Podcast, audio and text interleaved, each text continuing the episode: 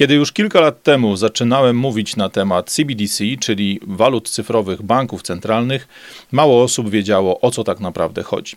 Te moje pierwsze teksty na LinkedInie, te moje pierwsze teksty w mediach społecznościowych, czy później już nagrania na kanale Rafała Otoki-Frąckiewicza, które tego tematu dotyczyły, sprawiały, że ludzie często mieli takie wątpliwości. Jaka tak naprawdę jest różnica między tym CBDC, tym nowym strasznym zagrożeniem, o którym tak często opowiadam, a tym, do czego jesteśmy od lat przyzwyczajeni, tym pieniądzem w formie cyfrowej, którym przecież od lat wszyscy obracamy. Porozmawiamy dzisiaj o tym, w jaki sposób to CBDC da się wprowadzić w krajach Zachodu bez jednego wystrzału, bez jednej demonstracji, bez rozlanej ani jednej kropli krwi.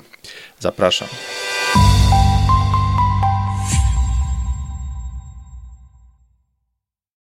Czym jest CBDC? Albo w drugą stronę, czym jest pieniądz cyfrowy? Spróbujmy znaleźć informacje na temat tego, czym jest jedno, czym jest drugie i czym od siebie się różnią. Przede wszystkim e, zamieszanie między właśnie tymi pojęciami waluty cyfrowej, banku centralnego i pieniądzem w formie cyfrowej, waluty w formie cyfrowej, to jest temat, który od dawna wywołuje sporo kontrowersji, który zawsze generował pytania na moim kanale czy pod postami, które wrzucałem w swoich mediach społecznościowych. Zacznijmy od tego, co jest nam bliższe, od pieniądza w formie cyfrowej. Kiedy patrzymy sobie na to, co dzisiaj dzieje się w naszych portfelach, to tak naprawdę większość z nas ma do pokazania tylko jedną, jedyną rzecz kartę. E, bo taka jest prawda, dzisiaj coraz więcej osób korzysta z kart płatniczych, z wszelkiego rodzaju rozwiązań płatniczych zamkniętych w zegarku, zamkniętych w telefonie, z tych rozwiązań, które sprawiają, że praktycznie wszystkie nasze transakcje dokonywane codziennie w takich normalnych, codziennych sytuacjach prowadzone są właśnie przy pomocy tego cyfrowego polskiego złotego, czy, pomocy, czy przy pomocy cyfrowych walut, jeśli jesteśmy za granicą jeśli jesteśmy gdzieś tam sobie dalej. No bo tak naprawdę, jeśli zajrzymy sobie dzisiaj, każdy z nas po cichutku do swoich portfeli, to co tam znajdziemy? No właśnie. Taki jest stan rzeczy, że mamy przy sobie nasz plastik, mamy przy sobie nasz zegareczek, mamy przy sobie naszą aplikację, która pozwala płacić telefonem. E, I to są te formy, które są dzisiaj bardzo popularne na całym zachodnim świecie. Zresztą nie tylko na świecie zachodnim, bo w takich miejscach jak Chiny, w takich miejscach jak ten daleki wschód, płatności właśnie tymi elektronicznymi formami są dzisiaj bardzo, bardzo popularne. Kiedy pochylimy się nad tym, jak faktycznie dużo jest jeszcze w obiegu gotówki, tego pieniądza w formie fizycznej, czy to wydrukowanej na papierze, czy to w formie jakichś tam monet, to okazuje się, że tutaj wartości i czy te cyfry są zupełnie, zupełnie śmieszne.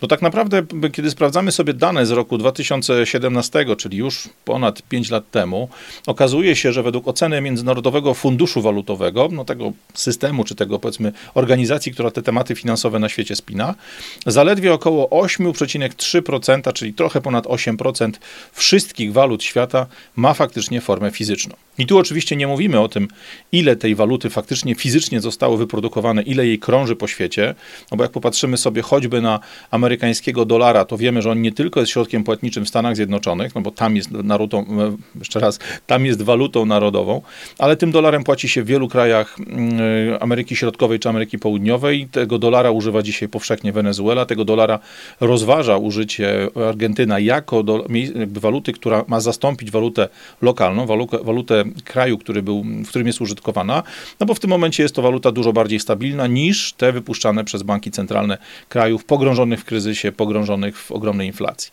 Natomiast wiadomo, że dolar używany jest również powszechnie w krajach dawnego Związku Radzieckiego, używany jest powszechnie we wszelkiego rodzaju lokalizacjach turystycznych. No ja nie dalej niż dwa dni temu miałem rozmowę z moją przyjaciółką, która wylatywała gdzieś tam na wakacje do ciepłych krajów i pytała, słuchaj, czy mam wziąć ze sobą dolary, czy mam wziąć ze sobą euro, bo nie wiedziała, czym lepiej płacić w tym miejscu, w które się kierowała. Takie pytania są bardzo częste, ale wtedy nie pytamy o lokalną walutę, pytamy najczęściej właśnie o dolara, ewentualnie jeśli jest to bliżej Europy albo miejsce jest e, często odwiedzane przez europejskich turystów, no to rolę tego urzędowego, e, nieoficjalnego, ale bardzo często stosowanego pieniądza zajmuje nam w tym momencie euro lub dolar właśnie. Jak popatrzymy sobie na statystyki, okazuje się, że najlepsze kraje, czy tam kraje o najwyższym stosunku, najwyższej ilości tego fizycznie wydrukowanego pieniądza, wydrukowanej waluty, waluty w stosunku do całej jej masy, która jest w użyciu, to Japonia, gdzie prawie 20% waluty jest wydrukowane w formie banknotów, w formie papierowej, takiej fizycznej, którą można dotknąć, włożyć do portfela czy włożyć do kieszeni. Zaraz po nich mamy Chiny, e, przepraszam, zaraz po nich mamy Szwajcarię, która ma prawie 13%, czy miała wtedy w tym roku 2018 prawie 13% swojej waluty wydrukowane w formie papierowej, w formie namacalnej, a zaraz po nich, po Szwajcarii po Japonii, co ciekawe, pojawiają się egzekwo Chiny i Rosja, Dwa kraje, których, na których tak często wieszane są w polskich i zachodnich mediach psy, a to są te dwa kraje, które razem z Szwajcarią i razem z Japonią mają tej waluty najwięcej, bo około 10% w formie fizycznej, wydrukowanej w formie wybitej monety, w formie, która sprawia, że można się tymi walutami posługiwać. Kto jest po drugiej stronie tego tego zestawienia, kto jest po drugiej stronie tego konkursu. Najgorzej wypadają Szwedzi, bo w Szwecji zaledwie 1,4% waluty jest w formie fizycznej w formie wydrukowanych banknotów, w formie monet, w formie, którą można dotknąć, włożyć do kieszeni, włożyć do portfela, posłużyć się nią w anonimowej transakcji, wyjąć, wyjąć z bankomatu albo do wpłatomatu wpłacić. Zobaczmy, jaka jest rozbieżność. W Szwecji 1,4, w Japonii 19,9%. W tym samym badaniu, w tym samym czasie można powiedzieć dwie bardzo podobne e, rzeczywistości, bo i tu, i tu mamy nowoczesną, zachodnią, czy, stylu, czy powiedzmy w stylu zachodnim gospodarkę o bardzo do wykształconych ludziach, o bardzo wysokim poziomie cywilizacyjnym, a tymczasem Japończycy mają tej waluty prawie 20%, a Szwedzi nieco ponad 1%. Na kolejnych miejscach mamy Brazylię, na kolejnych miejscach mamy Kanadę, Wielką Brytanię. No dla porównania Szwedzi ze swoim 1,4 wypadają blado nawet w porównaniu z Brytyjczykami, bo w tej chwili na terenie Wielkiej Brytanii około 4% całego dostępnego czy krążącego w atmosferze, krążącego w gospodarce pieniądza, czy tej waluty, to jest właśnie forma fizyczna. Tymczasem, co jest bardzo ważne, to, że mamy złotówkę, euro, dolara, funta, jena japońskiego czy jakąkolwiek inną walutę w formie cyfrowej, to nie znaczy, że mamy takie same narzędzie, jak, jakim będzie, czy jakim już jest, bo przecież projekty związane z CBDC od dawna już są na świecie stosowane. Jest cała bardzo ładna, duża lista i takie zestawienie robione przeze mnie na początku każdego roku. Natomiast co jest ważne, CBDC to jest zupełnie inne bydle. Oczywiście ono ma również formę cyfrową, tylko i wyłącznie cyfrową, natomiast ma w sobie zaszytych wiele groźnych dla naszej wolności, dla naszej prywatności cech, I mówię, wiadomo, że na nich warto by się skupić, ale o tym możecie posłuchać sobie w innych moich materiałach. Część zresztą pokażę Wam tutaj w odnośnikach, w poleceniach. Natomiast najgroźniejszą formą, czy najgroźniejszą cechą waluty CBDC, tej waluty cyfrowej banku centralnego, według mnie jest możliwość jej programowania. Tak naprawdę, jeśli dzisiaj dostajesz od kogoś przelew, czy to będzie przelew bankowy tradycyjny, czy to będzie przelew z poczty, czy to będzie najróżniejszego rodzaju przesłanie środków, na przykład za pomocą blika, to tak naprawdę, mimo tego, że te pieniądze przechodzą na Twoje konto w formie wyłącznie cyfrowego przelewu, wyłącznie w formie tego cyfrowego przekazu, czyli bank, z którego wysyłane są pieniądze do Ciebie, pokazuje, że z konta pana Malinowskiego zniknęło 300 zł i te 300 zł pojawia się nagle na Twoim koncie, po drugiej stronie tego przelewu, po drugiej stronie tej transakcji blikowej czy transakcji bankowej, to tak naprawdę Ty nadal masz możliwość po zostawieniu śladu w systemie, że ten pan tobie przesłał jakieś pieniądze, ty dalej masz możliwość zamaskowania wszystkiego tego, co dzieje się po dokonaniu takiego przelewu przez twojego pracodawcę, przez twojego przyjaciela, członka rodziny, czy kogoś, kto po prostu przelał ci kasę, bo kupiłeś coś od niego na, na OLX-ie, na Allegro, czy na jakimkolwiek innej formie. Choćby, no, miałem takie sytuacje też w swoim życiu, choćby jest to człowiek, który przychodzi do naprawy pralki, nie ma wydać z twoich pieniędzy, które przygotowałeś w gotówce, prosi o blika, płaciłem tak za, na, jakąś naprawę zmywarki, czy pralki, już nie pamiętam dokładnie, właśnie wysyłając fachowcowi blika o takiej wartości dokładnie, jak sobie, jak sobie wymarzył. Natomiast ty jesteś w stanie taką transakcję dalej jakby zanonimizować, jesteś w stanie te pieniądze wykorzystać do dowolnego celu, jaki sobie wymarzyłeś, bo z pieniędzmi, które otrzymasz na swoje konto, z kartą do tego konta, czy telefonem, czy nawet zegarkiem, no ja akurat tych rzeczy nie używam, więc pokazuję wam tylko mojego kolorowego słocza, a nie inteligentny zegarek, który zawiera portfel, Możesz z takim sprzętem, z takim zegarkiem, telefonem, kartą podejść do dowolnego bankomatu i w ramach tych limitów, które są mm, możliwe, które ustawiłeś na swoim koncie, albo które narzuca ci bank albo państwo, możesz te pieniądze w formie gotówki z bankomatu wyciągnąć, no i dalej transakcje, które wykonujesz, będą już w pełni anonimowe. Nikt nie będzie wiedział, że to twoje pieniądze zostały wydane na jakąś książkę, która mówi o czymś nieładnym. Nikt nie będzie wiedział, komu kupiłeś, co kupiłeś i tak dalej. O, choćby ostatnio odzyskałem od mojego kolegi Tech Jana Białka, świetna książka, którą polecam, cieniutka, ale bardzo wartościowa. Szczególnie mm, takie parę ciekawych tabelek na końcu, które na pewno już widzieliście. Jeżeli chciałbym tą książkę kupić, a nie chciałbym, żeby ktoś o tym zakupie się dowiedział, wyciągam gotówkę z bankomatu, idę do księgarni, płacę i jest po sprawie. Nikt nie wie, że kupiłem książkę Białka, dopóki się jak wariat, jak idiota ostatni nie pochwaliłem, że tą książkę posiadam właśnie w tej chwili przed wami. Na tym polega cała istota związana z prawdziwym pieniądzem, z tą gotówką, która pozwala ci zakończyć każdy cykl, każdy ciąg transakcji od twojego pracodawcy do ciebie i od ciebie do osoby, od której chcesz coś kupić, jakąś usługę, jakiś produkt, cokolwiek, nawet jego czas, jeżeli jest to na przykład opiekunka do dziecka lub ktoś, kto pomaga ci w jakichś pracach, nie wiem, związanych z przeprowadzką, porządkowaniem strychu czy jakimiś pracami ogrodowymi, za to wszystko możesz zapłacić to anonimowo. Czy ten człowiek, czy ty zapłacicie od tego podatek, czy nie, no to już jest sprawa oczywiście związana z twoją uczciwością. Natomiast nie ma opcji, żeby bank, żeby instytucja finansowa zobaczyła, że taka transakcja miała miejsce, jeśli odbywa się ona przy pomocy gotówki. Tymczasem CBDC będzie trochę inaczej, bo tutaj akurat CBDC jest bardzo podobne do transakcji, które wykonywane są przy pomocy właśnie takiego cyfrowego złotego, czy na przykład w przypadku kryptowalut. No bo bez wchodzenia tutaj głęboko w szczegóły związane z ledgerem, czyli jakimś tam rejestrem transakcji, e, bo co w kryptowalutach zapewnia ci anonimowość, bo są numery portfeli, które są anonimowe, tu w przypadku waluty CBDC będzie dokładnie odwrotnie, to znaczy zarówno firma obsługująca twoją transakcję, na przykład jakiś tam Mastercard, Visa, czy ktokolwiek inny, kto będzie tą transakcję obsługiwał, a może to być na przykład Twitter, bo przecież Elon Musk mówi wprost, że będzie za chwilę chciał być chciał sprawić, że Twitter czy X będzie taką aplikacją do wszystkiego, jak chiński WeChat. E, ta organizacja, a razem z nią pewnie służby, pewnie rząd, pewnie jakieś instytucje bankowe wyższego rzędu będą w stanie zobaczyć, że Radek Pogoda chce od pana Jana Białka kupić książkę Tech jeżeli się okaże, że książka Tech trafi na listę książek zakazanych, na jakąś tam blacklistę, to może się okazać, że ja nie będę w stanie, mimo tego, że będę miał na swojej aplikacji CBDC wystarczającą ilość pieniędzy, żeby za tą książkę zapłacić, ja nie będę w stanie wysłać tych pieniędzy do pana Białka bo adres pana Białka będzie na czarnej liście i on nie będzie mógł przyjąć moich pieniędzy, jego konto będzie zamknięte po prostu, albo w drugą stronę. Moje pieniądze będą zamknięte albo będą ograniczone w takiej formie, że da się zapłacić, nie wiem, Carrefourowi za moje zakupy codzienne, da się zakupić do firmy, zapłacić do firmy Panek za wynajęcie samochodu, ale na przykład zapłacić za samochód albo zapłacić ratę leasingową, żebym miał auto, którym sobie mogę sam jeździć, albo zapłacić komuś za to auto, już mi nie pozwolą.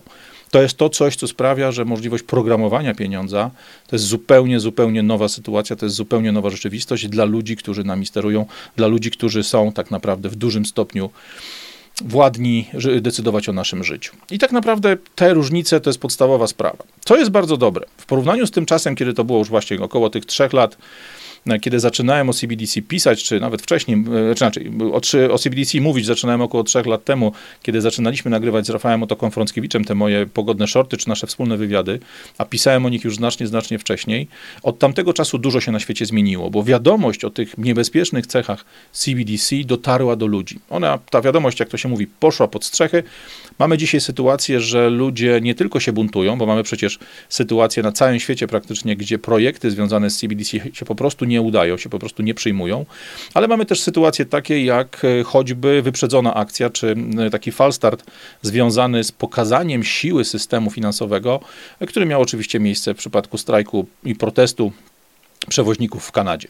Wtedy to, e, aby zgasić protest, aby uniemożliwić tym ludziom dłuższe blokowanie ulic w centrum Ottawy, w centrum stolicy kraju, pan Trudeau i, jak ja to mówię, jego oficer prowadzący pani Cynthia Freeland, e, oboje wychowankowie Klausa Schwaba i e, szkoły Young Global Leaders, oni wtedy podjęli decyzję o to, żeby zablokować tym osobom protestującym konta bankowe, aby wyłączyć im polisy ubezpieczeniowe, aby cofnąć im koncesje na samochody ciężarowe i wiele, wiele innych rzeczy.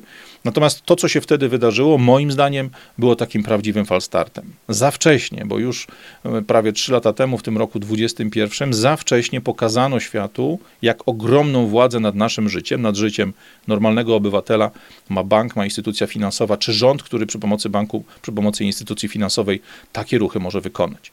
Zablokowano wtedy ludziom konta, na których były dziesiątki czy setki tysięcy dolarów. Zablokowano im możliwość wyciągnięcia tych pieniędzy z bankomatu albo nawet zapłacenia kartą, zapłacenia zegarkiem czy czymkolwiek innym za podstawowe usługi takie jak paliwo, takie jak jedzenie, takie jak możliwość przespania się gdzieś i tak dalej, i tak dalej. Pokazano wtedy, jaką siłę te elity mają. Pokazano wtedy za dużo, moim zdaniem. Myślę, że i pani Cynthia Freeland, i pan Trudeau dostali po uszach za tą akcję, bo po prostu według mnie zbyt wcześnie pokazali tą siłę, zbyt wcześnie pokazali to narzędzie, a zarazem dali wszystkim dowód na to, że faktycznie wprowadzenie waluty stricte cyfrowej bez możliwości przerzucenia jej na gotówkę jest bardzo groźne dla zwykłych ludzi i to był sygnał, który naprawdę na świecie został szeroko i bardzo, bardzo głęboko odebrany. Jaką mamy zatem przed sobą przyszłość? E, wiadomo, że elity chcą nam tą walutę cyfrową banku centralnego, to CBDC wprowadzić. Co do tego nie ma wątpliwości, oni sami o tym mówią. Dzisiaj już ponad 170 krajów na świecie pracuje nad e, projektami CBDC. Polacy twierdzą, że nie pracują, e, że nie ma planów na to, żeby zrobić złotego w wersji CBDC. No ja tu znowu muszę się powtarzać. Myślę, że mówią prawdę. Myślę, że są naprawdę szczerzy na tym etapie, bo wydaje mi się, że zamiast prowadzić złotówkę w wersji CBDC, tą walutę Centralnego Banku Polski, oni po prostu przy okazji przyjmowania w Polsce CBDC za jednym zamachem wskoczą również w temat euro i będziemy mieli cyfrowe euro wprowadzone niezależnie od tego, czy nam się to podoba, czy nie. Pewnie tu powodem będzie jakiś kryzys, jakaś akcja grubsza. Ale o tym, o tym potem. To, co można zrobić, to, co może zrobić rząd, to, co mogą zrobić rządzący, żeby taką walutę nam wprowadzić bez jednego wystrzału, bez wielkich protestów, bez wielkich kłopotów, to wykorzystanie kilku narzędzi, które zawsze w ich rękach pozostają. No i te, te narzędzia to tak naprawdę taka szóstka podręcznych, kłamstwo, manipulacja, przekupstwo, strach, niewygoda czy kara pozytywna. I już wam wytłumaczę, o co chodzi w każdym z nich. Jeśli chodzi o kłamstwo, no to tu sprawa jest oczywista. Z jednej strony mamy prezesa NBP, dzisiaj jest to pan Glapiński, za chwilę pewnie będzie ktoś z rozdania Tuskowego, będzie nam wmawiał, że oni nie pracują nad walutą cyfrową Banku Centralnego, że nie będzie cyfrowej złotówki, że nie będzie tego rozwiązania stricte polskiego, e, a w tym samym czasie pani von der Leyen mówi, że owszem, cyfrowe euro oczywiście na terenie Unii Europejskiej wejdzie, ale oczywiście zostawimy wam gotówkę, żebyście nie stękali stękali, żebyście się nie burzyli, żebyście mieli wrażenie, że to tylko dodatkowy środek płatniczy. Oprócz zegareczka, oprócz telefonu, oprócz karty, oprócz gotówki w waszym portfelu, będziecie mieli po prostu jeszcze jeden super wygodny środek, tak jak dzisiaj Blik w Polsce, tak tu nagle będziecie mogli przesyłać sobie między aplikacjami pieniążki. Co ważne, te aplikacje będą zainstalowane z automatu na każdym telefonie zarejestrowanym na, na obywatela danego kraju na terenie całej Unii Europejskiej. W tym będą zawarte pewnie paszporty, paszporty szczepienne czy parę innych przyjemności i będzie to wszystko wprowadzone na miękko, żeby było nam bezpiecznie, wygodnie, tak, śmak czy owak. Kłamstwo to zawsze piękna droga do tego, aby uzyskać od ludzi to, na co nie zgodziliby się, gdyby pokazano im prawdziwe oblicze tego projektu, prawdziwe zagrożenia, które za tym projektem stoją, albo choćby beneficjentów, firmy, ludzi, organizacje, którzy na takim projekcie zyskują. Kolejną metodą jest oczywiście manipulacja. No i tutaj manipulację widzieliśmy już na paru poziomach. Tą, która była najbardziej ohydna moim zdaniem, bo wykorzystująca kompletnie odwrócone znaczenie pewnego słowa, to jest pokazywanie CBDC tak, jakby było kryptowalutą. Jeżeli popatrzycie sobie na cechy kryptowaluty, to ona ma tych podobieństw, jest oczywiście co nieco, no bo ona też nie ma formy fizycznej, też jest tylko w formie jakiegoś tam cyfrowego zapisu na portfelu. Natomiast kryptowaluta ma jedną cechę kompletnie odwrotną, kompletnie przeciwną do tego, co ma właśnie CBDC, to znaczy kryptowaluta pozwala wam dokonać transakcji całkowicie anonimowej. Nigdzie nie ma informacji, że Jan Kowalski zapłacił panu Janowi Białkowi, czy Radek Pogoda panu Białkowi. Jest informacja, że portfel o numerze jakimś tam uczestniczył w transakcji jednej z dziesiątek milionów czy setek tysięcy, które na danej jednostce waluty krypto były dokonywane. W przypadku CBDC jest odwrotnie, w przypadku CBDC każdy krok, każde przekazanie tego, tej wartości, tego pieniądza, tej waluty z konta w kąt jest odnotowywane przez jednostki centralne. Oczywiście ta skala tych manipulacji zmalała znacząco po upadku FTX-a. FTX to była taka wielka giełda, e, produkt duży, który spinał różnego rodzaju waluty krypto, pozwalając wymieniać je na siebie, oferował jakieś tam konkursy, nie konkursy, pozwalał handlować z walut tych uznanych na waluty nowe, przechodzić przechowywać te środki, zabezpieczać je, przesyłać i tak dalej, i tak dalej. FTX upadł z potężnym smrodem, ogromne pieniądze wyparowały. E, jest to sprawa, która dziwnym trafem nie jest jakoś tak specjalnie nagłaśniana po tym samym momencie, kiedy pana Frida wyprowadzano w kajdankach, kiedy jego dziewczynę pokazywano jako po prostu ludzi, którzy byli ewidentnymi figurantami, choć tu zdania są podzielone.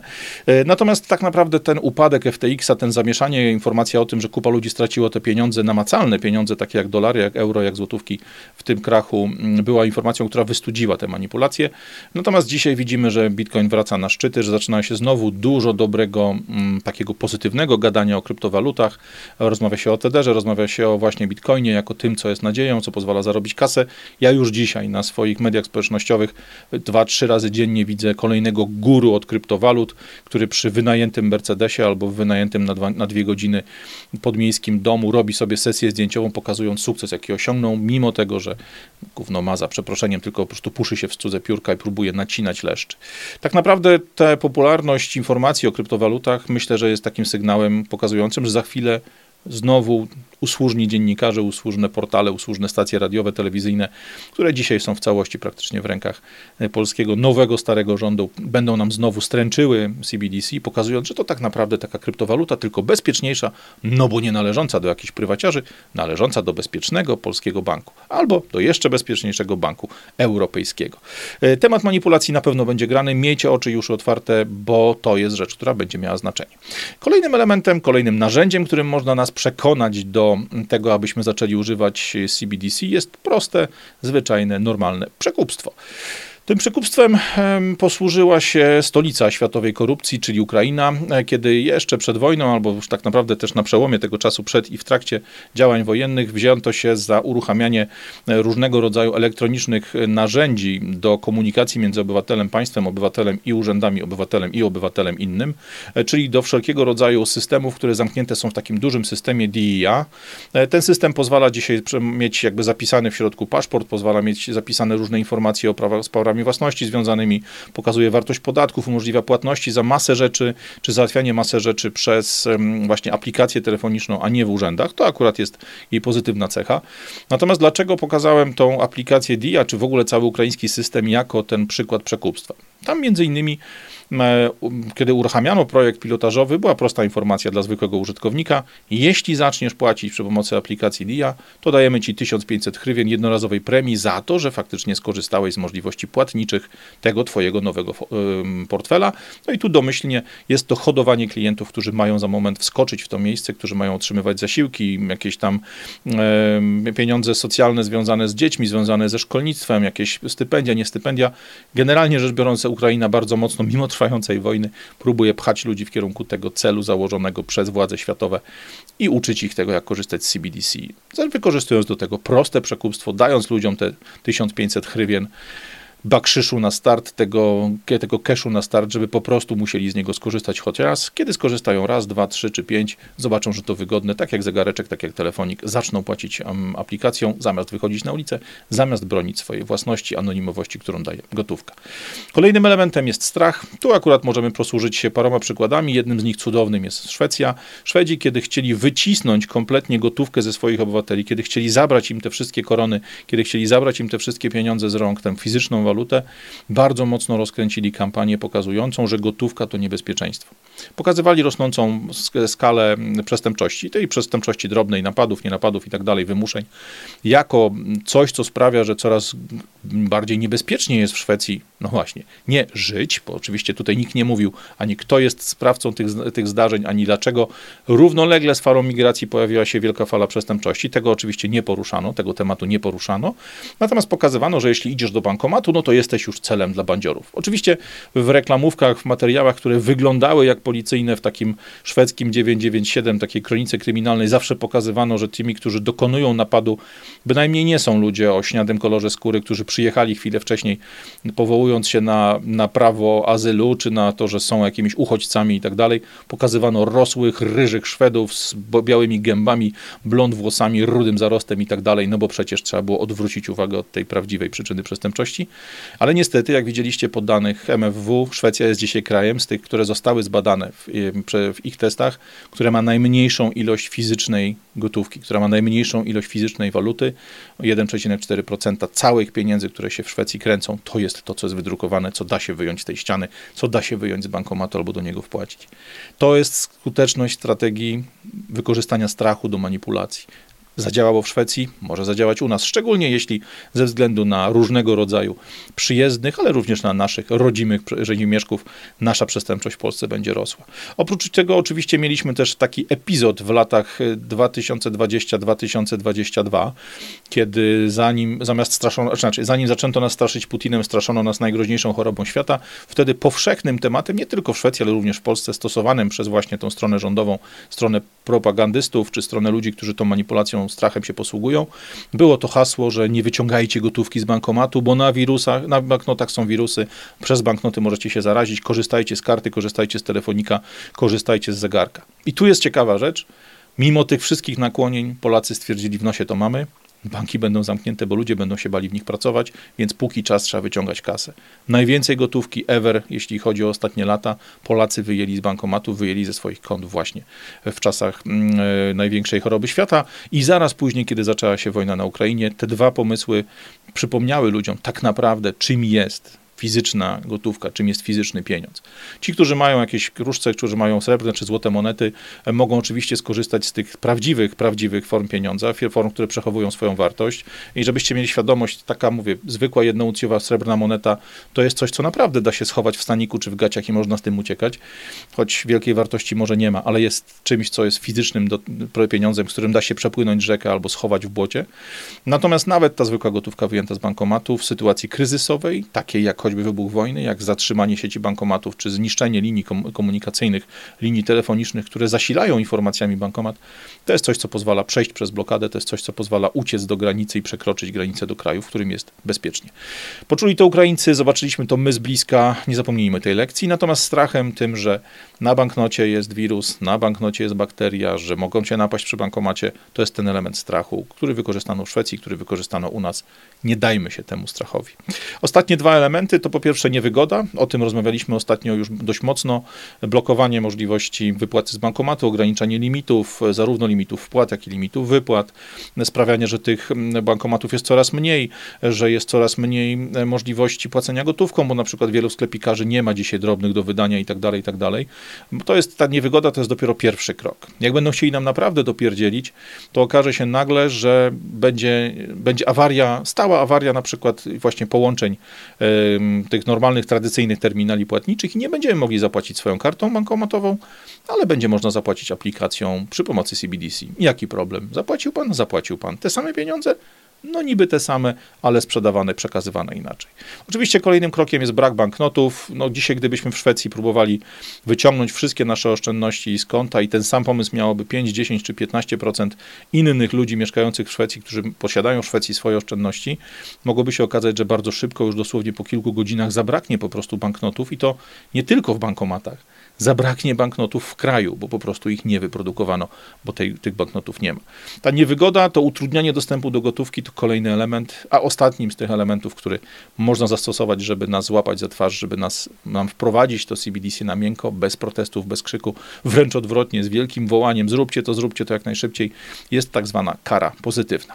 Wiem, że to słowo brzmi jak oksymoron, jako coś, co jest logicznie sprzeczne, natomiast ta kara pozytywna jest wtedy, kiedy możesz coś kupić za cenę normalną, czyli powiedzmy, nie wiem, jakaś usługa kosztuje 100 zł i płacąc gotówką, czy płacąc kartą, telefonem, czy e, zegarkiem, kosztuje mnie to 100 zł, Natomiast jeżeli zapłacę portfelem CBDC, jeżeli zapłacę tą nową formą waluty, tą nową promowaną formą waluty, to okazuje się, że ten produkt kosztuje mnie nie 100 zł, a na przykład 92.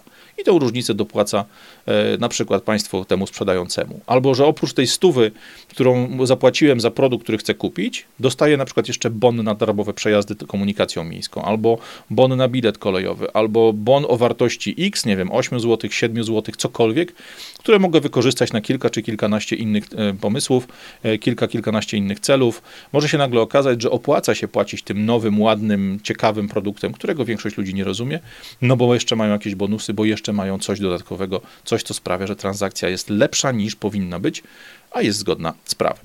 E, jak to wygląda w praktyce? E, ja myślę, że dzisiaj te wszystkie metody, te sześć pomysłów na to, jak można to CBDC wprowadzić, to są metody, na które my musimy zwracać uwagę, bo każdy z nich jest wystarczająco dobry, żeby go zastosować, aby nas bez protestów, bez krzyków wepchnąć, w ten, wepchnąć pod ten pociąg towarowy, pod ten temat, który nazywamy CBDC. Natomiast, żeby to zadziałało, żeby którykolwiek z nich mógł odpalić, żeby każda z tych metod sprawiła, że jednak ten system się nakręci, że będzie pracował na dużej grupie, że bardzo szybko nastąpi przyspieszenie, potrzebna jest jedna rzecz. Potrzebna jest ogromna grupa użytkowników takiego systemu, takiego programu startowego, ta ogromna ilość użytkowników, którzy natychmiast z, od daty, nie wiem, od północy dnia tego i tego w danym roku zaczną od, o, użytkować ten system.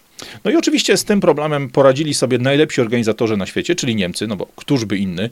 Oni wymyślili tak dobre rzeczy, jeśli chodzi o zarządzanie ludźmi, że zajmowali się nimi od niemalże spłodzenia po grup. No czasami grup był w formie wylotu przez komin, ale nie wchodźmy w te, w te pomysły, bo YouTube się pogniewa. Niemcy, ci mistrzowie organizacji, ta absolutna ekstraklasa, jeśli chodzi o mm, optymalizację, jeśli chodzi o wykorzystanie, o, systematyzowanie e, naszego życia, e, poszli po śladzie najprostszego, czy naj, najsłabszego ogniwa w całym łańcuchu pokarmowym, bo żeby ten program wprowadzić, wykorzystali dwie grupy ludzi, którzy są wy, wyjątkowo podatni na to, aby zgodzić się na wszystko, czego żąda od nich państwo. E, te dwie grupy ludzi to osoby na socjalu, no i tych na razie zostawiam na boku, no bo ich sytuacja jest w miarę oczywista. Jeśli dzisiaj otrzymywałeś pieniądze socjalne przy pomocy przelewu albo chodziłeś do jakiejś tam kasy e, w lokalnym, nie wiem, ośrodku do spraw socjalnych, żeby udowodnić, że jesteś trzeźwy, że nie jesteś na narkotykach i tak dalej, żeby tą gotówę dostać, czy żeby tą kasę dostać, no to tak naprawdę zamiana tego systemu, czy zamiana środka płatniczego, który po takim pojawieniu się w punkcie kontrolnym albo po otrzymaniu go na konto takiej osoby przebywającej na różnego rodzaju systemach socjalnych, zastąpienie tego nową walutą, to jest po prostu jedno kliknięcie gdzieś w systemie i ludziom na tych aplikacjach pojawia się coś innego, coś nowego. Żaden problem. W najgorszym wypadku wyposaży się tych ludzi e, w jakieś tam proste smartfony albo nawet jakieś proste odbiorniki takie na poziomie emeryta, jakie zwykłe plastikowe czy metalowe, czy jakiekolwiek inne systemy portfela elektronicznego, który będzie można nosić w kieszeni, które nie będą musiały być telefonem, nie będą miały dodatkowych funkcji i tak dalej. Nie da się tego szybko sprzedać bo będzie to taki portfelik wielkości pewnie bryloczka do kluczy, który nawet największy żul, największy pijak, największy ochlej czy inny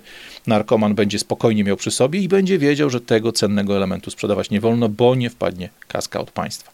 Natomiast to drugie najsłabsze ogniwo to oczywiście ludzie, którzy nie znają języka, którzy nie mają kontaktów tu na miejscu, w kraju, w którym są, którzy nie mają możliwości obejścia systemu, bo ani nie mają majątku, ani tym bardziej nie są gotowi, żeby sobie poradzić w obcym społeczeństwie z tematem, który ich zaskakuje, z tematem, który zmienia ich rzeczywistość.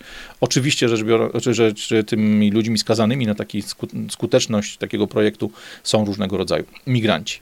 Jaki jest problem? Problem jest taki, że Niemcom nie pasuje, właściwie niemieckim władzom finans systemu finansowego, nie pasuje to, że migranci, którzy trafili do nich, zarówno ci, którzy mają status uchodźcy, jak i ci, którzy są na razie jeszcze w tym, w tym okresie przejściowym, kiedy status uchodźcy nie został przyznany, są po prostu migrantami, którzy trafili na teren Niemiec, że ci ludzie wysyłają pieniądze do swoich krajów pochodzenia. E, I tu oczywiście, gdyby ktoś rozsądnie, logicznie, tak jak zrobiłbym to ja, jak zrobiłbyś ty, jak zrobiłaby pani tam z tyłu, my wykorzystalibyśmy ten moment wysyłania pieniędzy do jakiegoś kraju, żeby stwierdzić, ok, jeśli wysyłasz kasę do Somalii, to znaczy, że nie jesteś z Syrii. Jeśli wysyłasz kasę do Burkina Faso, to znaczy, że nie jesteś uchodźcem, uchodźcem z gazy. Można by bardzo łatwo wykorzystać takie narzędzie do tego, aby tym ludziom tak naprawdę, jeśli nawet nie narodo, jakby nie personalia, imię i nazwisko przykleić, bo te ludzie, ludzie ci często pozbywali się paszportów, pozbywali się jakichkolwiek danych o sobie, to przynajmniej można by przykleić kraj pochodzenia, no bo tam, gdzie wysyłają pieniądze, prawdopodobnie stamtąd przychodzą. No ale oczywiście niemieckim władzom nie zależy na tym, żeby lokalizować kraje pochodzenia tych ludzi, nie zależy im na tym, żeby tych ludzi odsyłać, no bo przyjmują ich coraz więcej, ściągają ich przez Morze Śródziemne, przez Grecję, przez Hiszpanię coraz więcej. Tym niemieckim władzom chodzi w tej chwili o to, żeby pieniądze, które w Niemczech Niemczech są generowane z powietrza, są po prostu pożyczane i rozdawane tym osobom, nie trafiały do krajów obcych, chcieliby, żeby te pieniądze były wydawane tutaj. No bo jeśli popatrzymy sobie, dlaczego migranci wysyłają pieniądze, dlaczego ci uchodźcy wysyłają pieniądze do kraju, z którego przyszli, to powodów może być kilka. Oczywiście najlepszym i tym najczęściej podawanym w oficjalnych badaniach jest to, że oni wysyłają pieniądze do swoich rodzin. Natomiast nie trzeba być Einsteinem ani Watsonem, czyli współpracownikiem Sherlocka Holmesa, żeby się domyślić, że bardzo często pieniądze te nie idą do matki, ojca czy kogokolwiek z rodziny, kto tam został, w tym Burkina Faso, w tej Tunezji, w tej Libii czy w jakimkolwiek innym rozpieprzonym przez arabską wiosnę kraju. Bardzo często są to pieniądze, które lecą do przemytników, do ludzi, którzy zainwestowali w wycieczkę takiego Abdula, takiego Aziza czy kogokolwiek innego przez Morze Śródziemne do Europy. Bardzo często te pieniądze trafiają do ludzi, którzy po prostu za ich pomocą wysyłają następne łódki pełne inżynierów i lekarzy w kierunku Europy i ten proces się tylko nasila. Tu jest jeden kłopot, bo wielu dziennikarzy, takich prawdziwych dziennikarzy, którzy jeszcze na to miano zasługują, niemieckich, pokazuje, że tak naprawdę nikt z rządu, nikt z instytucji finansowych, nikt z instytucji socjalnych nie pokazał żadnych konkretnych danych. Nie powiedział, ile tych pieniędzy jest wysyłane co miesiąc, ile dziesiątek, setek czy tysięcy ludzi korzysta z tej formy dysponowania pieniędzmi i wysyłają sobie w świat. E, mówi się tylko i wyłącznie o samym problemie, nie dotykając w ogóle wartości, nie dotykając w ogóle cyfr, nie pokazując żadnych informacji o tym, jak wielki jest to problem. No i dwóch czy trzech blogerów, między innymi Ernst Wolf, którego ja bardzo często słucham, taki świetny niemiecki komentator rzeczywistości, na którego mam nadzieję, że będzie kiedyś okazja zrobić dla was wywiad z nim. E, Ernst na przykład mówi, że tak naprawdę nie jest to oczywiście żaden prawdziwy problem, prawdopodobnie nie jest to żaden prawdziwy problem, tylko jest to tak zwany symbol politik. Jest to taka typowa zagrywka polityczna, zagrywka medialna, forma pewnego rodzaju przyklejania opakowania do, pro, do problemu, przyklejania opakowania do produktu, bo nikt nie pokazał skali tego zjawiska. Nikt nie powiedział, ile ludzi, jakie wartości, jakie ilości pieniędzy są wysyłane. Jest to po prostu temat, który jest zasiewany w głowach Niemców jako właśnie przeciwdziałanie przestępczości, przeciwdziałanie temu, że pieniądze znikają. Jest to po prostu wykorzystane w tej nawale medialnej, w tej propagandzie e, do tego, aby ludzi uspokoić, aby ludziom pokazać wspólnego wroga. Zobaczcie, nie wolno pozwolić, żeby migranci wysyłali te pieniądze za granicę. Co wchodzi zamiast tego? No tu niemieckie władze posłużyły się metodami, które są nam znane, są bliskie, bo zamiast tygodniówek wypłacanych gotówką, bo tak do tej pory było, że ludzie dostawali po prostu pieniądze w gotówce, żeby mogli je przeznaczyć na, na cele swojego utrzymania, zamiast tego będzie karta. Nazywa się ta karta różnie, no bo w niektórych miejscach jest to tak zwane becal kartę, ale na przykład w Hanowerze ten sam dokładnie pomysł, ten sam dokładnie produkt nazywa się social card e, i wydaje, wygląda to jak zwykła karta bankomatowa, ale tak naprawdę znacznie bliżej jej jest do takiej karty przedpłaconej, którą możemy kupić sobie w supermarkecie, żeby w tym supermarkecie można było zrobić konkretne zakupy. Ponieważ jest to karta bez konta bankowego podpiętego pod spodem, to karta ta pozwala na kilka jakby podstawowych operacji. Można tą kartą płacić za zakupy, można tą kartą płacić za usługi, typu nie wiem, kupić jakiś abonament telefoniczny, zapłacić za bilet autobusowy, zapłacić za jedzenie, za jakieś inne rzeczy, które po prostu ci ludzie muszą sobie na co dzień kupować. Natomiast nie można z niej wypłacić gotówki, bo ona nie działa w bankomacie. Nie można płacić tą kartą za granicą, bo zdarzało się bardzo często, że migranci jeździli sobie po Europie i na przykład w takich rejonach jak Aachen, jak Kolonia, gdzie bardzo blisko w zasięgu dosłownie linii autobusowej macie Belgię, Holandię i Niemcy. Oni potrafili być zarejestrowani we wszystkich tych trzech krajach jako, jako uchodźca z innym nazwiskiem, otrzymywali inny dokument, jakiś paszport czy jakąś namiastkę paszportu wystawiony przez organizacje migranckie, tych, którzy migrantów obsługują i na przykład pobierali sobie zasiłki w trzech różnych miejscach. E, te karty będą to uniemożliwiały będzie można płacić tylko taką kartą, tylko w miejscu, w którym, w kraju, w którym została ona wydana, choć oczywiście, jeśli taki cwaniak jest w trzech krajach zarejestrowany pod trzema różnymi nazwiskami, no to będzie miał trzy karty, jedną niemiecką, jedną holenderską, jedną belgijską, czy na przykład niemiecką i austriacką i będzie dalej robił to samo, co robi dzisiaj, ale dla niemieckiego, dla niemieckiej publiczności, dla niemieckiego obywatela przekaz będzie prosty, uszczelniliśmy system, nie pozwalamy się okradać, nie pozwalamy robić wałek. Jest to bullshit, ale bullshit, który w mediach pewnie będzie nam dobrze sprzedany. Taka karta sprawia więc, że nie można zrobić przelewu, nie można zrobić płatności zagranicznej, czy zapłacić nią za granicą, nie można wreszcie wyciągnąć tych pieniędzy z bankomatu, można za to robić normalne, bieżące zakupy. I co jest ważne, e, to jest właśnie metoda, która będzie wykorzystana, aby wprowadzić CBDC, bo przecież nie ma najmniejszego problemu, żeby te ograniczenia, które są wprost ograniczeniami, które wynikają z charakteru samej usługi, samego przedmiotu, jakim ta karta e, Becal kartę, czy ta karta Social Card jest e, zbudowana, te ograniczenia można wprowadzić znacznie szerzej. Jaki problem ograniczyć działanie takiej samej karty wydanej tobie do Twojego miejsca zamieszkania, czyli 15-minutowego miasta.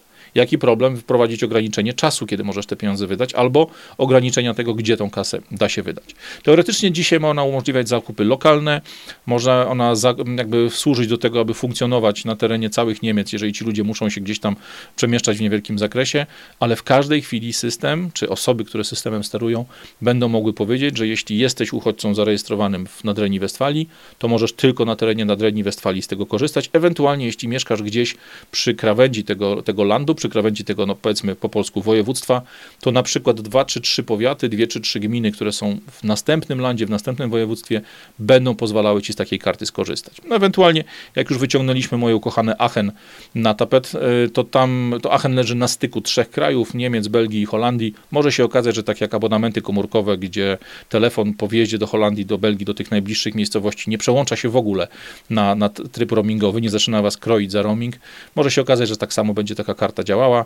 Jeśli mieszkasz w Aachen, okaże się, że możesz płacić tymi, tymi pieniędzmi w tych najbliższych miejscowościach po stronie belgijskiej, po stronie holenderskiej, bo tam normą jest, że ludzie przemieszczają się zwykłym miejskim autobusem po prostu w trzech krajach, bo te odległości są minimalne. Okej. Okay. Zastanówmy się, ile to jest osób, bo powiedzieliśmy sobie przed chwilą, że do uruchomienia takiego projektu potrzebna jest grupa startowa, ten pakiet startowy, który sprawi, że ta ogromna machina zacznie się nakręcać. W samych Niemczech na koniec 2022 roku, czyli już ponad rok temu, zarejestrowanych było ponad 482 tysiące osób, które mają status uchodźcy które są wpisane w system wypłat socjalnych, którzy mają w tym systemie pieniądze, które pobierają co miesiąc więc jest to prawie pół miliona osób, które natychmiast mogą zacząć z takiego systemu korzystać. Czy to wystarczy w 60-milionowym kraju, żeby taki projekt uruchomić? Moim zdaniem tak. To już jest wystarczająca grupa. A jaka to kasa?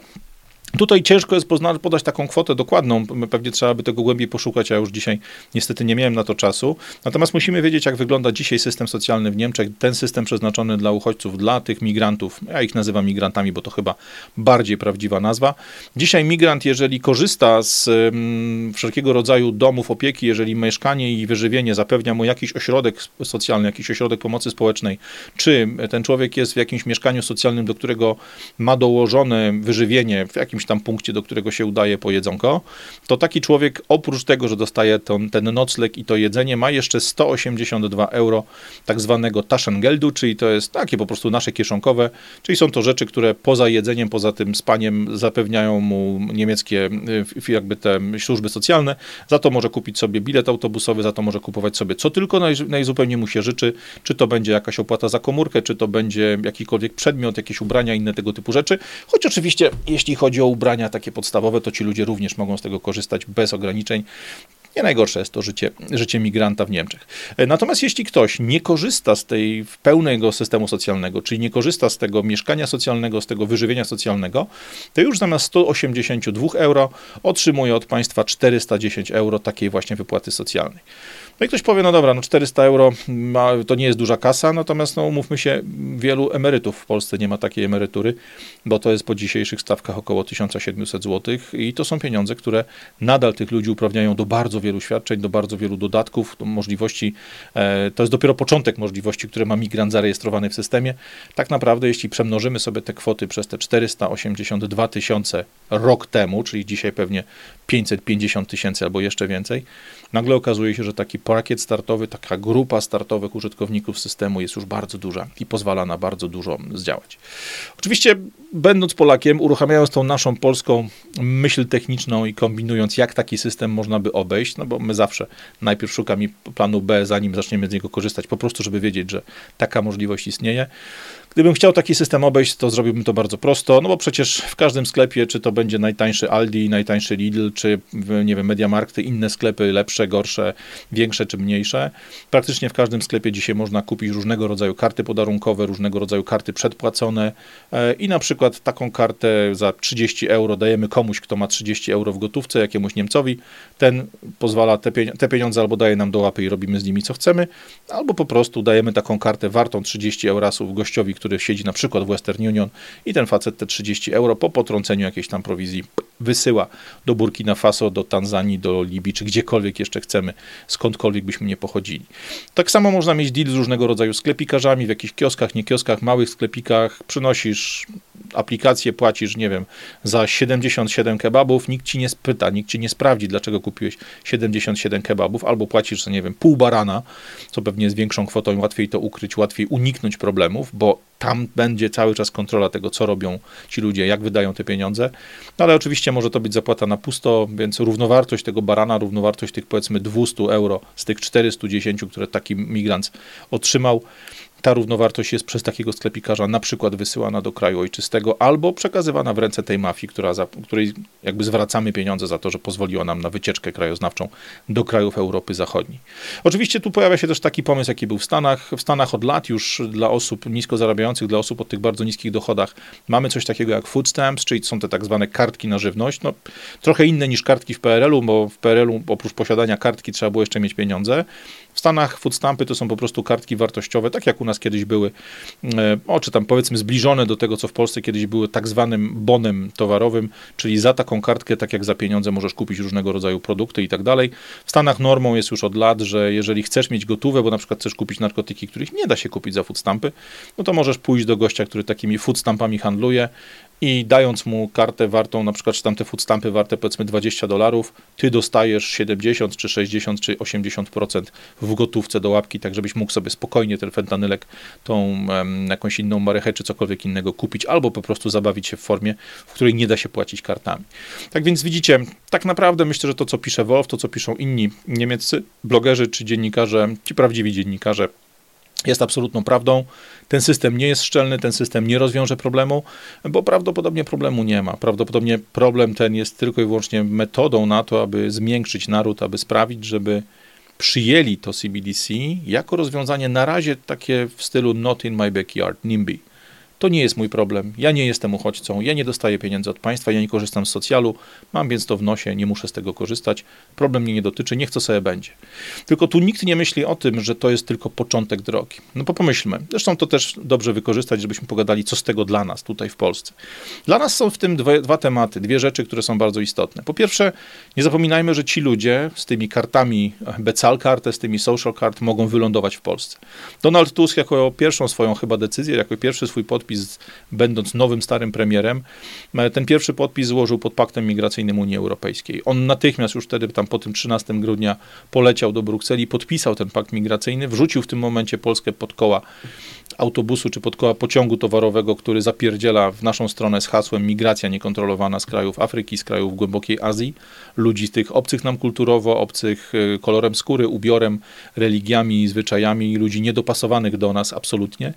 Może więc się okazać, że to do Polski, że również do Polski trafi kilka, kilkanaście czy kilkaset tysięcy uchodźców, w cudzysłowie, z Niemiec, z Francji, z Włoch czy skądkolwiek indziej, wyposażonych w takie becal karty i nagle się okaże, że polscy sklepikarze, że polskie sieci handlowe na początku będą musiały to, tego typu rozwiązania natychmiast dla siebie przystosować.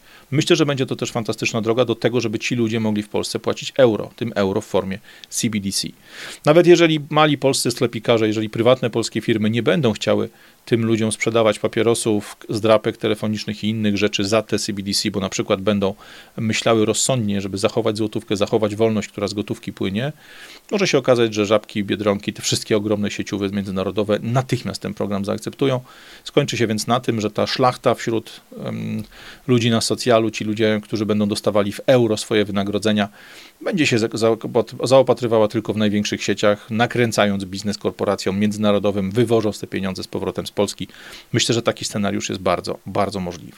A po drugie, to, że ten pomysł przejdzie w Niemczech, i że przejdzie w Niemczech dzięki temu, że siedzi tam te pół miliona zarejestrowanych już dzisiaj migrantów, a więcej pewnie z nich jeszcze funkcjonuje zupełnie poza prawem, nierozpoznanych, nieodnalezionych, po prostu siedzących tam sobie w pełni anonimowo, to nawet gdybyśmy to pominęli, gdybyśmy stwierdzili, dobra, my tego problemu nie mamy. Ukraińcy, którzy mieszkają w Polsce, mają swoją aplikację DIA, mają swoje paszporty, mają swoje PESELE, są odnotowywani w systemie, bo pobierają jakieś tam pieniądze od polskiego socjalu i tutaj nowe 6,2 miliarda złotych przegłosowane nie tak dawno jest tylko potwierdzeniem tego, tej sytuacji. Ale odkładając nawet naszych migrantów ukraińskich na bok, odkładając na bok migrantów niemieckich cały ten system, zobaczcie jak łatwo takimi metodami można wprowadzić ten system, system CBDC w każdym jednym kraju. Bo tak naprawdę system nie tylko tego, aby wprowadzić złotówkę w wersji CBDC, ale żeby wprowadzić euro od razu CBDC, to jest system idealny. Mając migrantów, mając polskich ludzi siedzących na socjalu, najróżniejszych osób, które są albo schorowane, albo stare, albo wyrzucone z domu, albo są alkoholikami, ludźmi po nałogach i tak dalej, i tak dalej. Ludźmi, którzy żyją dzisiaj w systemie socjalnym, z tego systemu socjalnego korzystają, z nich równie łatwo można będzie skorzystać tu na miejscu w Polsce.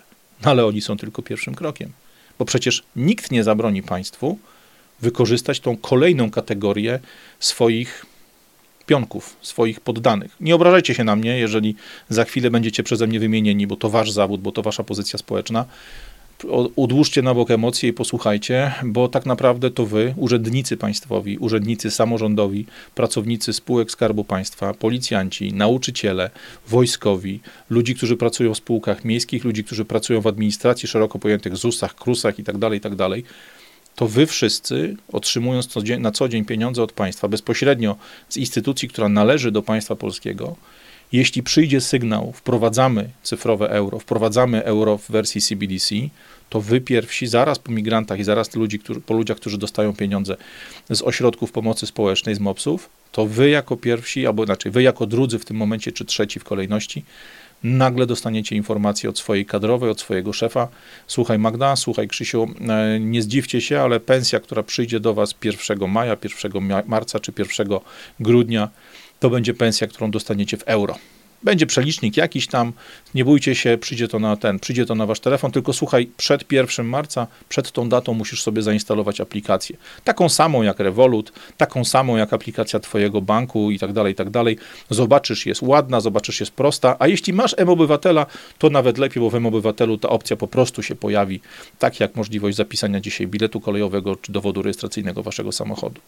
Zobaczcie, jak łatwo jest wprowadzić ten system, mimo oporu, który my stawiamy, mimo oporu, który stawiają ludzie, rozumiejący, że waluta, którą można zablokować, waluta, którą można sterować, waluta, którą można modelować już po tym, jak się ją wam dało, niby do ręki, przez to, że ona nie jest w rękach, że ona jest tylko i wyłącznie zamknięta w aplikacji, którą rządzi ktoś inny niż wy sami, jak bardzo łatwo można tą walutą wymusić na was, co chcecie, albo zabronić wam to, czego nasi rządzący od nas nie chcą. Tyle na dziś. E, popatrzcie na to, co się będzie działo w Niemczech, popatrzcie na to, co się będzie działo u nas. Patrzmy na te wszystkie sześć sposobów wprowadzania takich projektów, czyli jak nam kłamią, jak nami manipulują, jak nas próbują przekupić, jak nas próbują wystraszyć, czy w jaki sposób przez niewygodę, przez te kary pozytywne, przez to premiowanie zakupów w formie, którą od nas chcą, czy w formie, której by od nas chcieli, w jaki sposób będą nas próbowali do tego nakłonić. Patrzcie na to, czy w polskich mediach, na portalach, w telewizjach śniadaniowych, w tych wszystkich szmatławcach papierowych i medialnych będą się pojawiały porównania CBDC, nowego cyfrowego euro, właśnie do kryptowalut, do bitcoina, czy będą wam pokazywali historię milionerów bitcoinowych, którzy tak samo możesz zarobić na CBDC europejskim, albo to jest tak samo fajne, ale bezpieczniejsze. Patrzmy na to, miejmy oczy otwarte i nie bójmy się o tym mówić w internecie. Zablokować tego całkiem na pewno nam się nie uda, bo to program ogólnoświatowy, założony i zaplanowany od lat. Natomiast dużo możemy zrobić, jeśli chodzi o tempo wprowadzania tego typu narzędzi, albo e, możemy, tak jak Austriacy, sięgnąć mocno po gotówkę i pokazywać naszym bankom, pokazywać naszym rządzącym, że ok, CBDC możecie wprowadzić, bo ludzie, którzy nie mają wyjścia, będą musieli z niego korzystać. Ale my, zwykli Polacy, ludzie, którzy coś jeszcze mają tu między uszami, my chcemy jeszcze przez chwilę zostać przy gotówce, jak najdłużej się tą gotówką cieszyć, jak najdłużej z tej gotówki korzystać, a może w międzyczasie wymyślimy jakiś swój sposób, może wymyślimy jakieś rozwiązanie, niekoniecznie tylko polskie, które będzie dla tego systemu CBDC jakąś alternatywą. Dziękuję Wam bardzo za uwagę, za wysłuchanie dość długiego materiału, ale myślę, że materiału ważnego, bo bardzo mocno nas dotyczącego, znajdującego się bardzo blisko nas jako zagrożenie. Bardzo Was proszę, jak zawsze, o to, żebyście zasubskrybowali ten kanał, żeby trochę urósł jeszcze, bo, bo widzę, że YouTube jakoś tam dziwnym trafem pomaga. Fajnie, żeby jak najwięcej ludzi te informacje dostało. Jeśli Wam się podoba to, co robię, zalajkujcie, pójście komentarz. Jeśli nie macie pomysłu na komentowanie, po prostu wrzućcie jakiś emotikon, bo lubią to roboty YouTube'a i promują takie teksty. Zapiszcie się koniecznie na listę adresową pogodnych shortów, tak żebyśmy mieli ze sobą kontakt mailowy i znajdźcie mnie na socjalach, czy to na LinkedInie, czy na Instagramie, czy na Twitterze, wszędzie tam, gdzie jestem. Na Facebooku pojawił się też profil pogodnych shortów, więc tam też możecie spokojnie mnie gdzieś tam do kontaktów zaprosić. Gdyby się okazało, że zniknę z YouTube'a, gdyby się okazało, że zniknę z tych miejsc, w których na co dzień mnie oglądacie czy słuchacie, no bo przecież pogodne shorty są też na Spotify'u, są na aplikacjach podcastowych, na wielu innych systemach audio, ale również na Bandbaju, również na Rumble, na tych systemach jak BitShoot czy Odyssey. Jeśli tam bym zniknął, to zawsze przy pomocy listy adresowej możemy się odnaleźć. Bardzo Wam dziękuję. Radek Pogoda. Raz jeszcze cześć, cześć.